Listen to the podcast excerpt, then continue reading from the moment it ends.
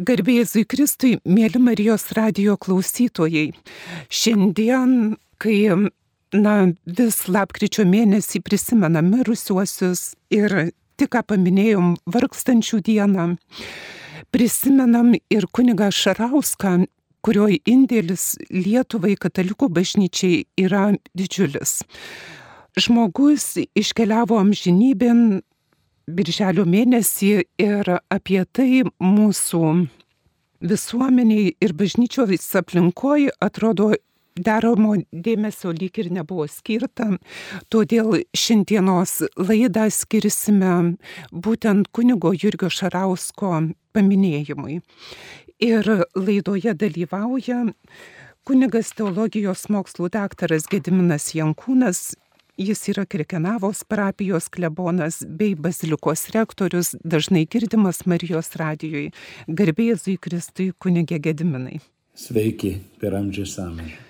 Taip pat turime svečią, doktorantą išeivijos istoriką Arūną Antanaitį, kuris yra ir Vytauto didžiojo universiteto išyvijos instituto tyrėjas bei prezidento Valdo Adamkaus bibliotekos direktorius. Sveiki, Arūnai. Labadiena.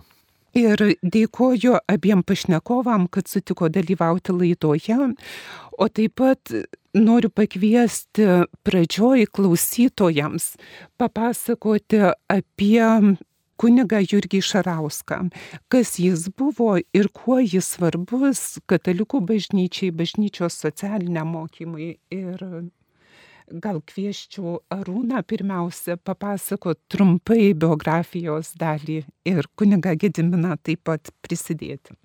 Ačiū labai. Pirmiausiai turbūt reiktų tikrai pasakyti, kad Šarauskas visų pirma, apie jį reikia kalbėti kaip apie Amerikos lietuvį.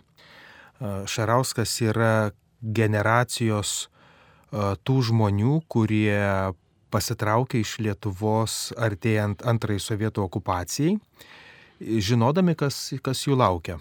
E, apie 60 tūkstančių lietuvių tai padarė, pabėgo į į Vokietiją, į karo pabėgėlių stovyklas, tenai ir gyveno kaip karo pabėgėliai, taip kaip mes ir suprantame. Tiesa, labai kūrybingai kūrė mokyklas, gimnazijas, net Pabaltijos šalių universitetą ar pavergtų tautų olimpiadą susigalvojo. Ir Šarauskas gimė būtent jau Vokietijoje 45 metais. Jo tėvai yra iš Jonavos, vidutinės klasės tarnautojai, gal truputį aukštesnės 49 metais, man rodo, persikėlė į Junktinės Amerikos valstijas kartu su daugeliu kitų vadinamųjų dipukų. Na, o Šarauskui buvo penki metai, kuomet jis persikėlė į JAV, atsikraustė į Čikagą, irgi kaip ir dauguma lietuvių. Ir augo Šarauskas, kaip viename savo pamokslė kalbėjo, kad buvau tas, kuris e, jau mokėjo dvi kalbas, vokiečių ir lietuvių, buvau priverstas išmokti dvi kalbas, o atvažiavau į Ameriką ir turėjau mokintis trečią kalbą. Ir jis apie tai kalbėjo ne kaip apie tam tikrus privalumus, bet e, Šarauskas labai greitai pasižymėjo kaip labai gabus moksleivis, labai gabus studentas ir turbūt ir reiktų sakyti, kad ir pašaukimai greitai pasireiškia, ar ne? Ir 73 metais jis gavo kunigo šaukimus. E, šventimus, atsiprašau. Ir e, pasižymėjo studijuodamas, tai Mandelaino universitete baigė filosofijos bakalauro laipsnį gavo 70 metais viešo administravimo magistro studijas e, Institute, Illinois Institute of Technology 71 metais seminarijoje teologijos licencijato laipsnis ir jau būdamas kunigas pasaulietinėse studijose Northwestern University, Šiaurės vakarų universitete, 79 metais apgynė viešojo administravimo srities daktaro disertaciją apie parapijų vadybą ir organizavimą. Ar ne? Tai labai gabus, labai gabus studentas, e, daktaras, linkęs į organizavimą, toks racionalus ir kad e, dar jau to atrodo pakaktų visai tai biografijai, bet 79 metais Šarauskas laimi konkursą dalyvauti tokioje itin prestižinėje programoje White House Fellowship, ar ne, Baltųjų rūmų bičiuliai arba stipendijatai, taip lietuviškai vadintųsi tikriausiai, ir iš beveik pusantro tūkstančio kitų kandidatų jų atrinko keliolika. Ir jisai dirbo metus laiko Baltuosiuose rūmose ir turėjo galimybę iš arti matyti, kaip yra sprendžiami valstybiniai reikalai na, aukščiausių lygių. Ir Šarauskas buvo pirmasis kunigas, katalikų kunigas, kuris tą padarė, kuris pateko į tą programą. Ir na, jeigu pasižiūri alumnių sąrašą tos programos, tai yra senatoriai, miestų merai, aukščiausių lygių kariuomenės vadai, e, tikrai ypatingas alumnių sąrašas. Nepaisant to, kiek daug e, čia pas, galėtume pasakoti ir šiandieną kalbėsime apie jo pasiekimus ne tik Lietuvai, bet ir Rytų Europai ir Centriniai Europai, Šarausko tame sąraše nėra. Bet e, tikrai na, ypatinga stažuočių programa ir Šarauskas iki maždaug va taip 80-metį buvo na, savotiškas kunigas e, žvaigždė ir jeigu vyresniesiems jisai, galbūt vyresniesiems išeiviams jis atrodė, na, gal ne iki galo priimtinas, e, per daug galbūt savarankiškas, per mažai dirbantis lietuvių parapijoms, tai jaunai generacijai, ambicingai tokiai generacijai, jis, e, kuriems metų panašiai buvo kaip Šarauskas, jie apie jį kalbėjo kaip apie na, labai savą kunigą, kuris pagaliau su jais išnekėjo jų kalba. Tai buvo dalis tokių irgi pan, pan, panašaus amžiaus, e, kurie ir dabar dar yra pakankamai aktyvus išeivijoje. Tai kunigė Gediminai, ar galėtumėt papildyti ir papasakot na, tolesnius laikus, ko Arūnas nepaminėjo?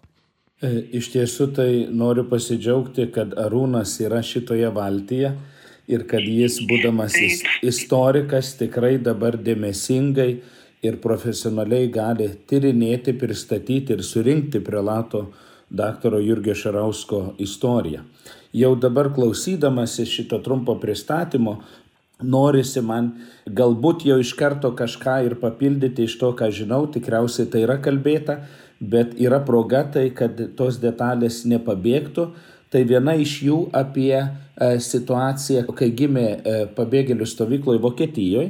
Pats Šarauskas pasakojo, kad e, buvo ir jo dėdės šeima. Ir būdami toje stovykloje ieškojo, kur paskui galėtų gyventi, kur, kur išvykti. Tai buvo suderinta, kad jų abidvi šeimos išvyksta į Australiją. Ir paruošti biletai, ir gauti leidimą, ir visa kita, ir taip toliau bet kai atėjo laikas išvykti į Australiją, Jurgis, mažasis Jurgis susirgo.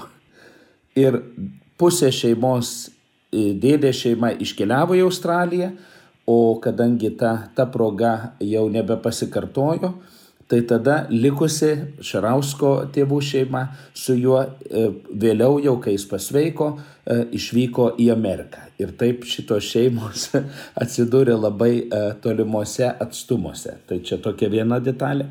Kita dėl kalbos. Supratom, kad jis gimė Vokietijoje, jo tėvai kalbėjo, aišku, geriau, lenk, e, geriau lietuviškai negu, negu vokiškai, aš manau, kažkiek irgi buvo pramokę, bet e, Šarauskas vokiečių kalbą paskutiniais metais, kai aš su juo bendraudavau, tai jam tikriausiai kaip vaikystės kalba sugrįždavo. Ir jis dažnai su manim kalbėdavo vokiškai, žinodamas, kad aš vokiškai nebumbum. Bet tai buvo jo emocinė, emocinė vaikystės kalba ir, ir, ir tai rodo, ką, ką reiškia vaikui tas judesys per, per įvairias valstybės ir galimybę iš tiesų taip, nu, vos nepriverstinai patapti poliglotu. Tai, tai ir lietuvių, ir vokiečių, ir anglų, ir paskui lenkų kalba, ir kažkiek kitos. E, ir trečias dalykas, ką irgi reiktų pastebėti, e, nežinau, Arūnai, jūs labiau iš, ištyrėte tą e, White House Fellowship programą, apie kurią čia kalbame. Ar jis buvo, pirma, kad jis buvo pirmasis, taip, taip, bet ar jis nebuvo vienintelis? katalikų kunigas toje programoje. Nes žinant, kaip jis papuolė į tą programą, tas visas aplinkybės, tai aš manau, kad jis buvo vienintelis, nes jokiom kitom aplinkybėm joks vyskupas tikriausiai nebūtų leidęs kunigui toje programoje dalyvauti. Ir tai irgi rodo Šarausko tokį gebėjimą orientuotis situacijoje ir įvertinti tinkamai savo galimybėmis, galimybės ir, jo, ir jomis pasinaudoti. Mes Lietuvoje galbūt iki galo ir nesuprasime šito, šito epizodo jo gyvenime, tačiau tai, kad jis laidotuvėse dar kartą buvo jo draugų paminėtas ir pamokslė, ir, ir tokioj atminimo kalboje, rodo, kad Amerikos visuomeniai ir taip, ką minėjo Arūnas, kad, kad jo bendramžiams tai tikrai buvo labai didžiulis ir svarbus laimėjimas ir prelato Jurgio kaip kunigo kaip asmens, bet kartu ir kaip katalikų bažnyčios kunigo, kas unikalus reiškinys Amerikos istorijoje, Amerikos netgi valstybės valdymo istorijoje. Tai čia tokios detalės, kuriomis norėjusi papildyti, o šiaip mano pažintis su prelatu įvyko 1999 metais, kada aš atvykau jo biuro dėka suteiktos stipendijos dviem seminaristams iš Lietuvos studijuoti Čikagos arkiviskupijos e, kunigų seminarijoje. Ir, ir mes susitikome ir nuo to mūsų pažintis, iš pradžio aišku pažintis, tai kur aš ten neapsiplunksnavęs klerikėlis, e, seminaristas, o čia toks didis e, monsinjoras, vėliau ir prelatas, e, kunigas daktaras, tai pažintis, o vėliau jį labai džiaugiuosi, kad, kad peraugo į labai gražią tokią ir aš manau, kad prasmingą draugystę, nes mano asmenybės formavimo ir mano kunigystės formavimo ir požiūriui e, tikrai daug jisai prisidėjo. Ir ne tik mano, ką mes, aš manau, šitoje laidoje dar ir paliesime. Ačiū kunigė Gedminai ir turbūt Arūnas norėtų atsakyti į Aš iš tikrųjų dabar į tokias istoriko smulkmenas. Jeigu Gediminas labai asmeniškai gerai pažinojo kuniga Šarauską, tai aš turėjau tik tai laimės kelis kartus pasikalbėti su juo, na, taip liaudiškai sakant, per Zoomą, ar ne, per, per virtualiom technologijom ir aš daugiau remiuosi tą istorinę medžiagą ir iš esmės ką dabar galėčiau sakyti, kad vat, kiek, kiek peržiūrėtos medžiagos, džiaugiuosi galėdamas pantrinti tik tai Gediminui ar, ar patie Šarausko, reiškia, tos e, patvirtinti pasakojimus. Kaip, kaip istorikui tai yra gerai labai.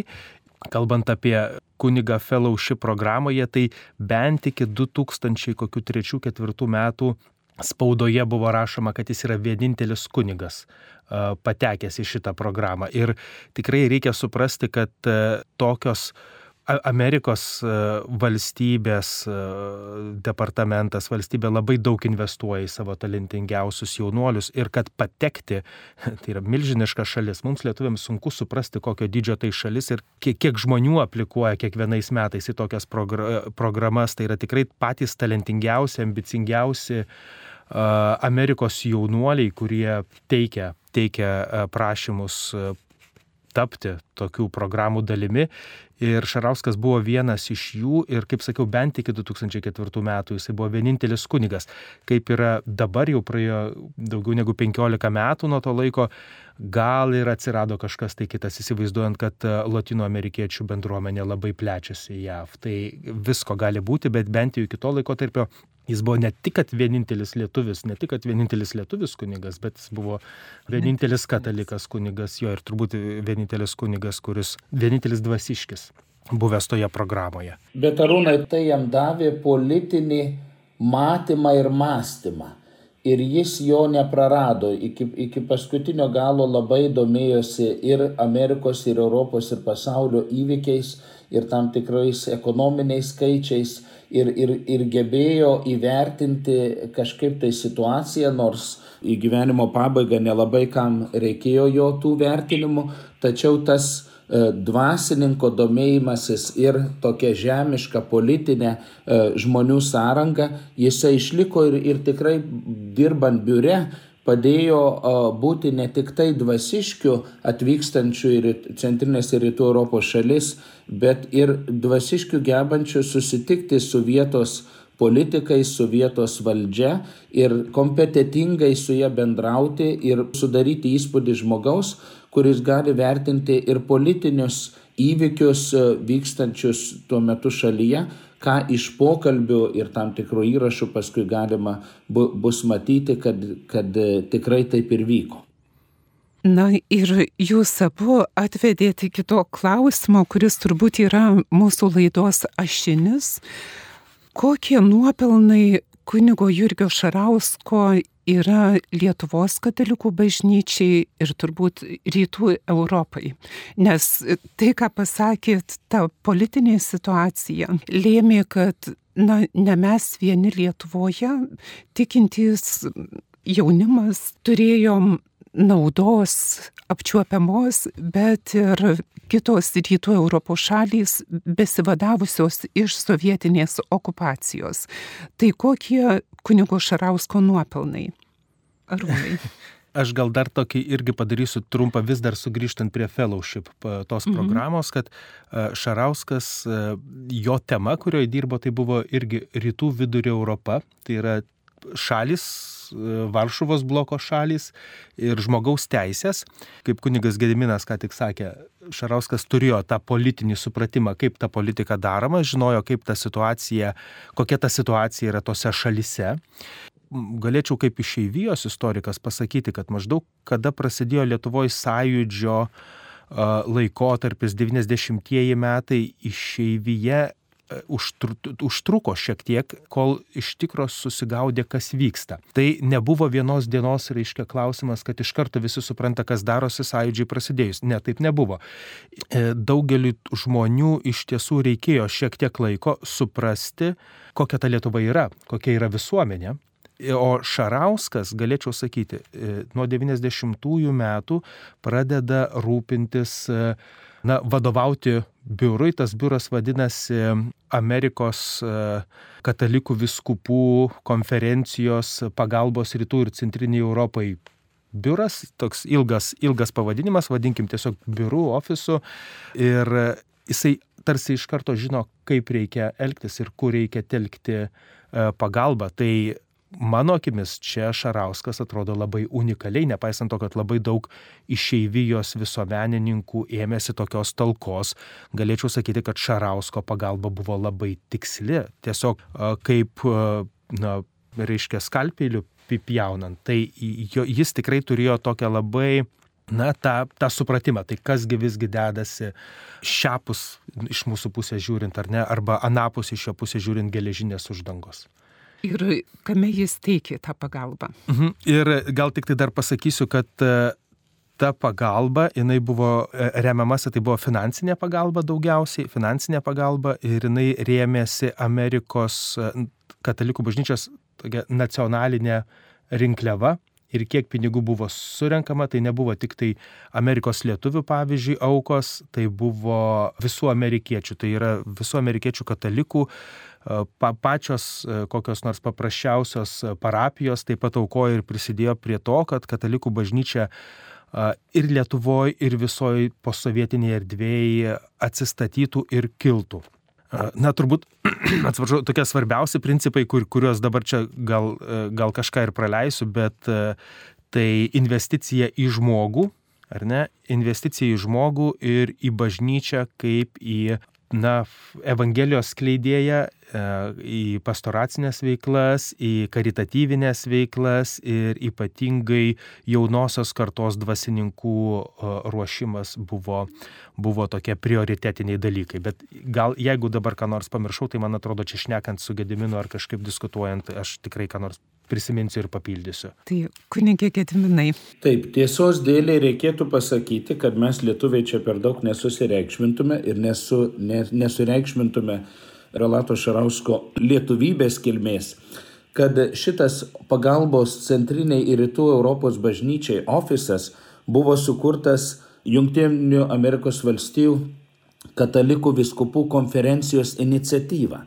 Tai buvo katalikų bažnyčios Amerikoje e, toks atliepas į besikeičiančią situaciją centrinėje rytų Europoje. Ir tikrai toks bažnyčių seserų pagalba viena kitai. Nu, šiuo atveju ne, ne, ne, ne Centrinės rytų Europos bažnyčios pagalba Amerikai, bet Amerikos katalikų bažnyčios pagalba e, Centriniai rytų, nes jie matė, kad e, sugriuvus Sovietų sąjungai tai yra tam tikros politinės pasiekmes ir, ir kismai, kuriuos reikės suvaldyti, bet ir kartu suprato, kad ir yra pasikeitusi religinė situacija. Ir kad būtų galima kažkaip tai vykdyti katalikų bažnyčios misiją kuo geriau ir padėti tiems žmonėms ištrūkusiems iš geležinės uždangos iš tų visų sovietijos, reiškia, nasrų, įkvėpti laisvo bažnytinio religinio gyvenimo oro reikalinga labai konkreti žmogiška pagalba. Ir kai buvo priimtas sprendimas šitą biurą įkurti, biuro pareiga buvo, tą, ką jo Arūnas minėjo, administruoti naujai paskelbtą įvestą nacionalinę Amerikos katalikų bažnyčios rinkliava, metinė rinkliava, kuri yra skirta pagelbėti bažnyčiai centrinėje ir rytų Europoje. Tai suprantant, kokio dydžio yra Junktinės Amerikos valstijos ir, ir katalikų skaičius ten, tai ta rink, nacionalinė rinkliava mes kalbame apie tikrai nemažus pinigus. Ir tuos pinigus reikia tinkamai ir labai protingai suadministruoti tokių nuotolinio bendravimo galimybių kaip šiandien tada dar tikrai nebūta. Ir viskupų konferencija ieškojo tinkamo asmens, kuris galėtų tuos pasaulius savo, savo darbu sujungti, kad parama būtų labai tikslinė ir kaip galima efektyvesnė. Ir ieškodami kandidatų, tarp kandidatų turėjo ir prilatą Jurgį, Tuo labiau, kad vis tiek ta jo patirtis, kaip, kaip mes šnekėjome Baltuosiuose rūmose, buvo ne vienam žinoma ir jis buvo vienas iš, iš kandidatų aukščiausiai vertinamų ir galiausiai patvirtintų būti šito naujojo biuro ir šitos naujos misijų pagalbos programos direktoriumi. Jo pagrindinė užduotis buvo įgyvendinti anksčiau Rūno paminėtus tikslus - vykti tiesiogiai, mėgsti labai tiesioginius asmeninius kontaktus su šitų išsilaisvinusių bažnyčių autoritetais vadovybė, su viskupais, kurie buvo, su viskupais, kurie, e, kurie išėjo iš pogrindžio, su viskupais, kurie buvo naujai paskirti ir atliepiant į jų tokias teisėtas ir, ir, ir reikmes, o kartais netgi labai, sakyčiau, išmintingai uh, juos truputėlį edukuojant, kad tos reikmės, kurias jie įsako uh, Amerikos viskubų konferencijai, uh, tikėdamėsi paramos, kad jos būtų ne tokios vienadienės duonos suvalgymas, bet kad būtų pramatančios tolimesnę ateitį ir turėčia, turėsiančios e, ilg, ilgalaikį tokį efektą. Tai e,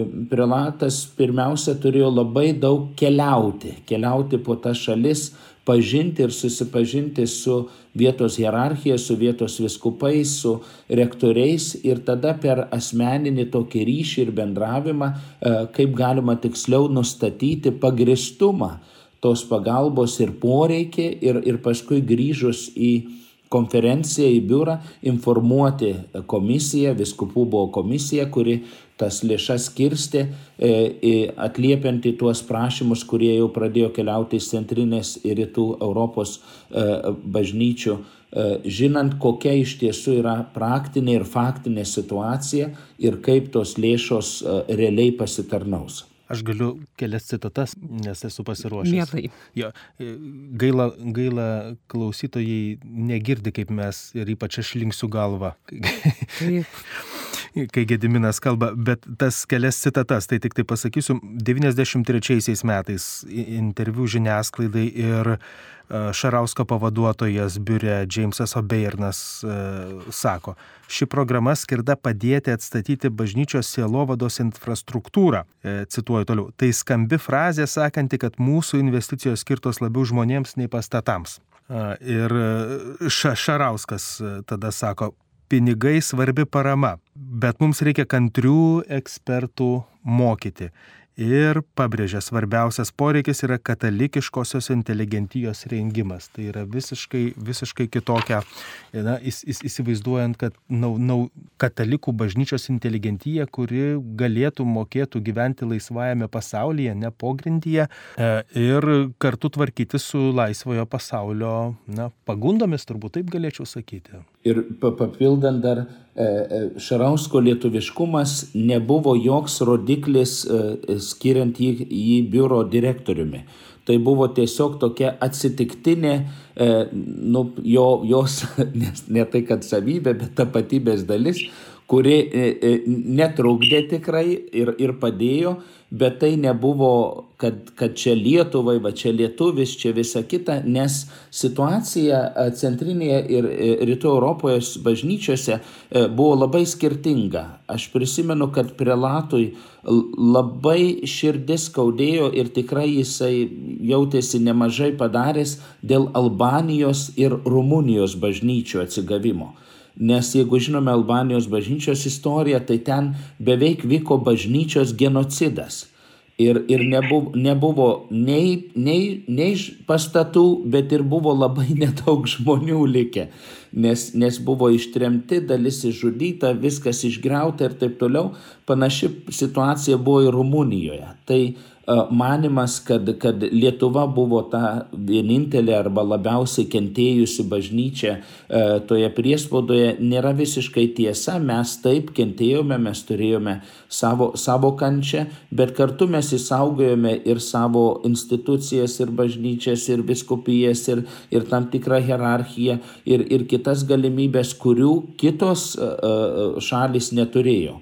Ir akivaizdu, kad įvertinus tą situaciją ten turėjo būti ir daugiau ir tos materialinės pagalbos, bet kartu ir tos e, tokios vadybinės, kuri vėl padėtų atkurti. Tai vienas iš didžia, dalykų, kur labiausiai e, Jurgi Šarauskas didžiavosi, buvo Albanijos katedros atstatymas kaip jau šiuo atveju ne kaip pastato, kad, bet sakė, pastatai jau ne žmonės, bet čia reikėjo pastato, nes tai buvo vienintelis pastatas ir jis tapo kaip simbolis šitos atgimstančios uh, bažnyčios kaip Fenikso iš pelenų. Ir, jisai kažkaip tai labai jautriai tas istorijas atsimindavo, nes sakydavo, man Dievas davė dalyvauti tokiuose įvykiuose, kur, kuriuos aš suprantu, kad jie labai didingi ir dideli ir galbūt istorija ne visada tą supranta, bet jis ir objektyviam, ir tokiam asmeniniam ligmenį suprato, kad prisideda prie didžių bažnyčios misijos atkūrimo ir įgyvendinimo dalykų. Tai tai, ką jūs, kunigė Gediminai, sako, turbūt galėtume praplėsti tam kontekste, pradedant vakarų arba centrinę Europą ir ateinant į Lietuvą. Jo didžiuliai nuopelnai buvo ir bažnyčios socialinio mokymo, perkelimo į kasdienį gyvenimą. Ir mes žinom, kad Vytauto didžiojo universiteto socialinio darbo katedra dabartinė tuo metu 90 antrais, trečiais metais kūrėsi kaip socialinės rūpybos ir studijų centras, praktiškai karito inicijuota programa ir tikrai Arūnas neleis man sumeluoti, nes jis pats žiūrėjo dokumentus ir labai stebėjosi, kad tuo metu studentai patys pirmieji, tarp kurių ir man teko pabuvoti, buvo labai brangi investicija būtent į socialinio darbo profesinę, na, tokią, sakyčiau, srovę įsiliejusią į Lietuvos socialinio darbo um, istoriją. Tai irgi nuopelnas nenusakomas, mes šiandien matom, kad per visas aukštasias mokyklas, universitetus yra pasklidę buvę va tuo metiniai studentai, kurie šiuo metu dėsto ir veda socialinį darbą kaip profesiją, kaip akademinę sritį. Rėsiu toliau tęsti, kad laiko nelabai daug likę, tai tiesiog klauščiau na, kaip jūs minėjot, kunigo e, Jurgio Šarausko testamentas yra, kad susitelkti į žmonės, akcentuoti ne pastatus, o lyderystę.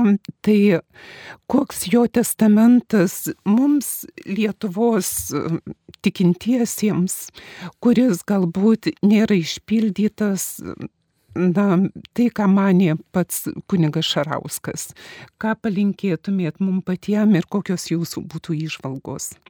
Dar norėčiau pirmiausia atliepti į Sesedaivą, ką paminėjote dėl, dėl socialinių mokslo, to, to persikė, nu, ats, tokio atgimi, net atsiradimo galbūt netgi, a, reiškia, Lietuvoje ir, ir Šarausko indėlio. Tai vėlgi rodė jo bažnytiškumą, kad, kad tikėjimas yra propaguojamas ne tik tai žodžiais, ne tik tai idėjų sklaida, bet ir artimo meilės konkrečiais darbais. Kad tai, kol mes gyvename kūne, tai turi labai a, realią a, artimo meilės darbų išraišką. Tai ir alkstanti pavalgydinti, ir, ir serganti aplankyti, ir iš tiesų tą Dievo meilę ir gelestingumą paliūdinti per, per bendrą žmogišką rūpestį ir atjautą vienas kitam.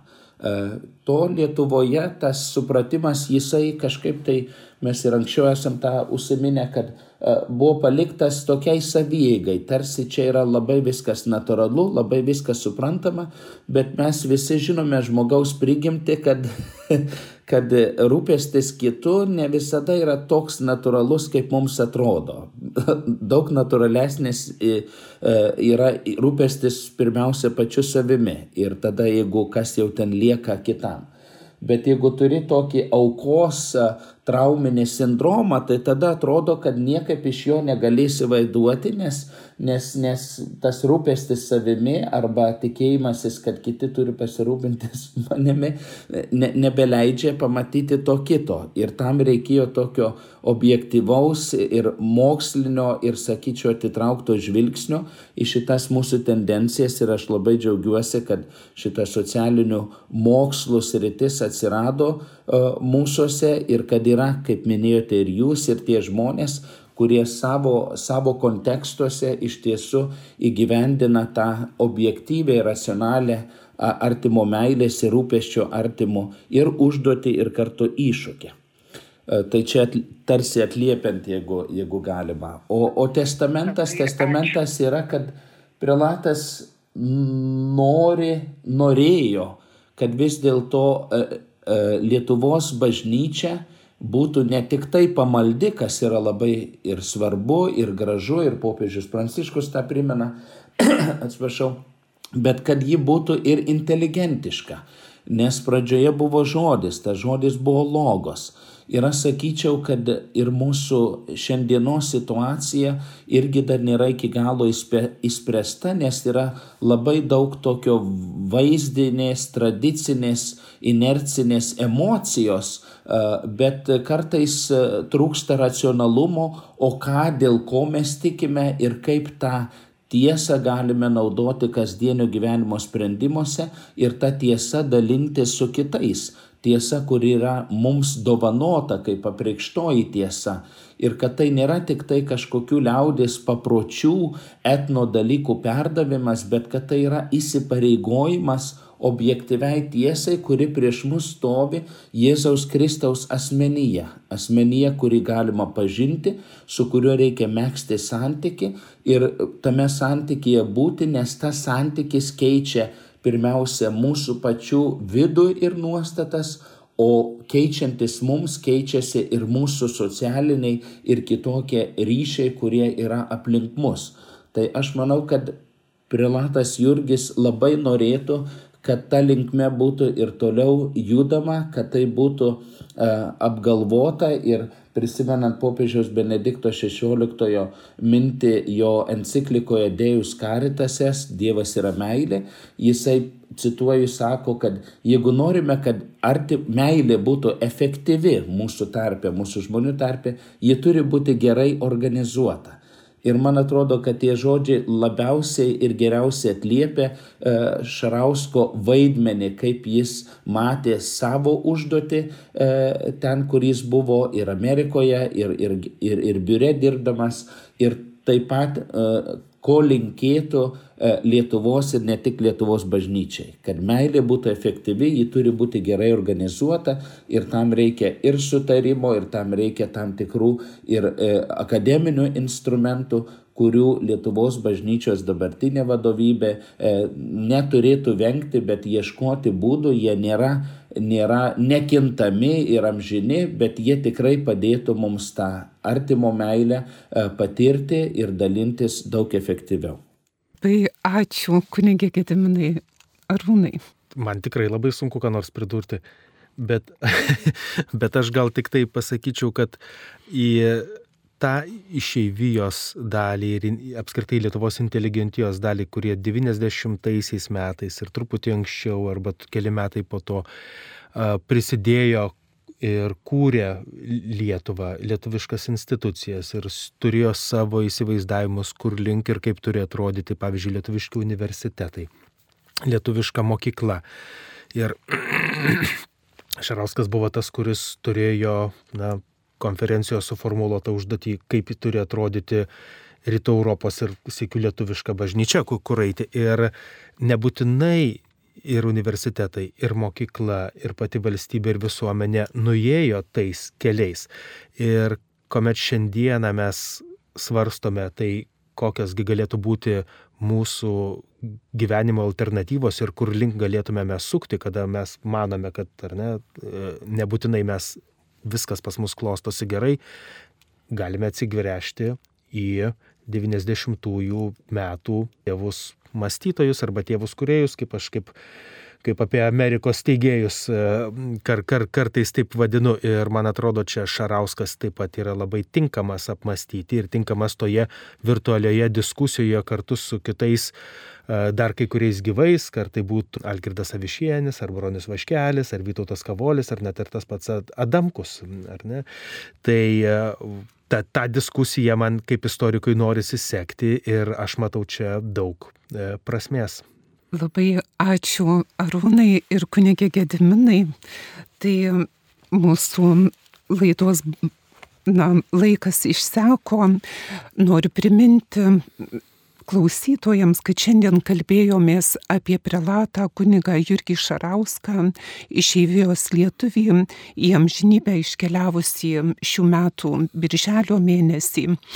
Ir kaip gražiai Arūnas paminėjo keletą lietuvių, išeivijos lietuvių akademikų, tarp jų turbūt matytume ir kunigų visą eilę, pradedant tiek kunigų Trimako, tiek kunigų Jonų Juraičių Rykščiu ar kunigu Antanu Paškum ir dar Arvidu Žygu.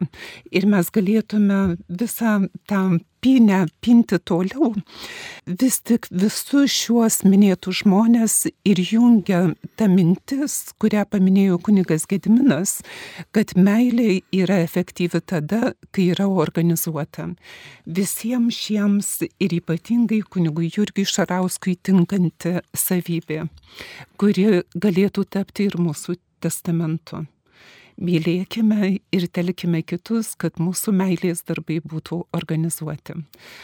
Primenu, kad laidoje dalyvavo doktorantas Arūnas Antanaitis, išeivijos istorikas Vytauto didžiojo išeivijos instituto tyrėjas bei prezidento valdo Adamkaus bibliotekos direktorius, o taip pat ir kunigas teologijos daktaras Gediminas Jankūnas, Krikinavos parapijos klebonas bei bazilikos rektorius. Ačiū Jums, mėly pašnekovai, dėkoju ir klausytojams iki kitų kartų, o laidą vedžiau aš, sesuo Daiva Kuzmitskaitė. Su Dievu. Ačiū sudė.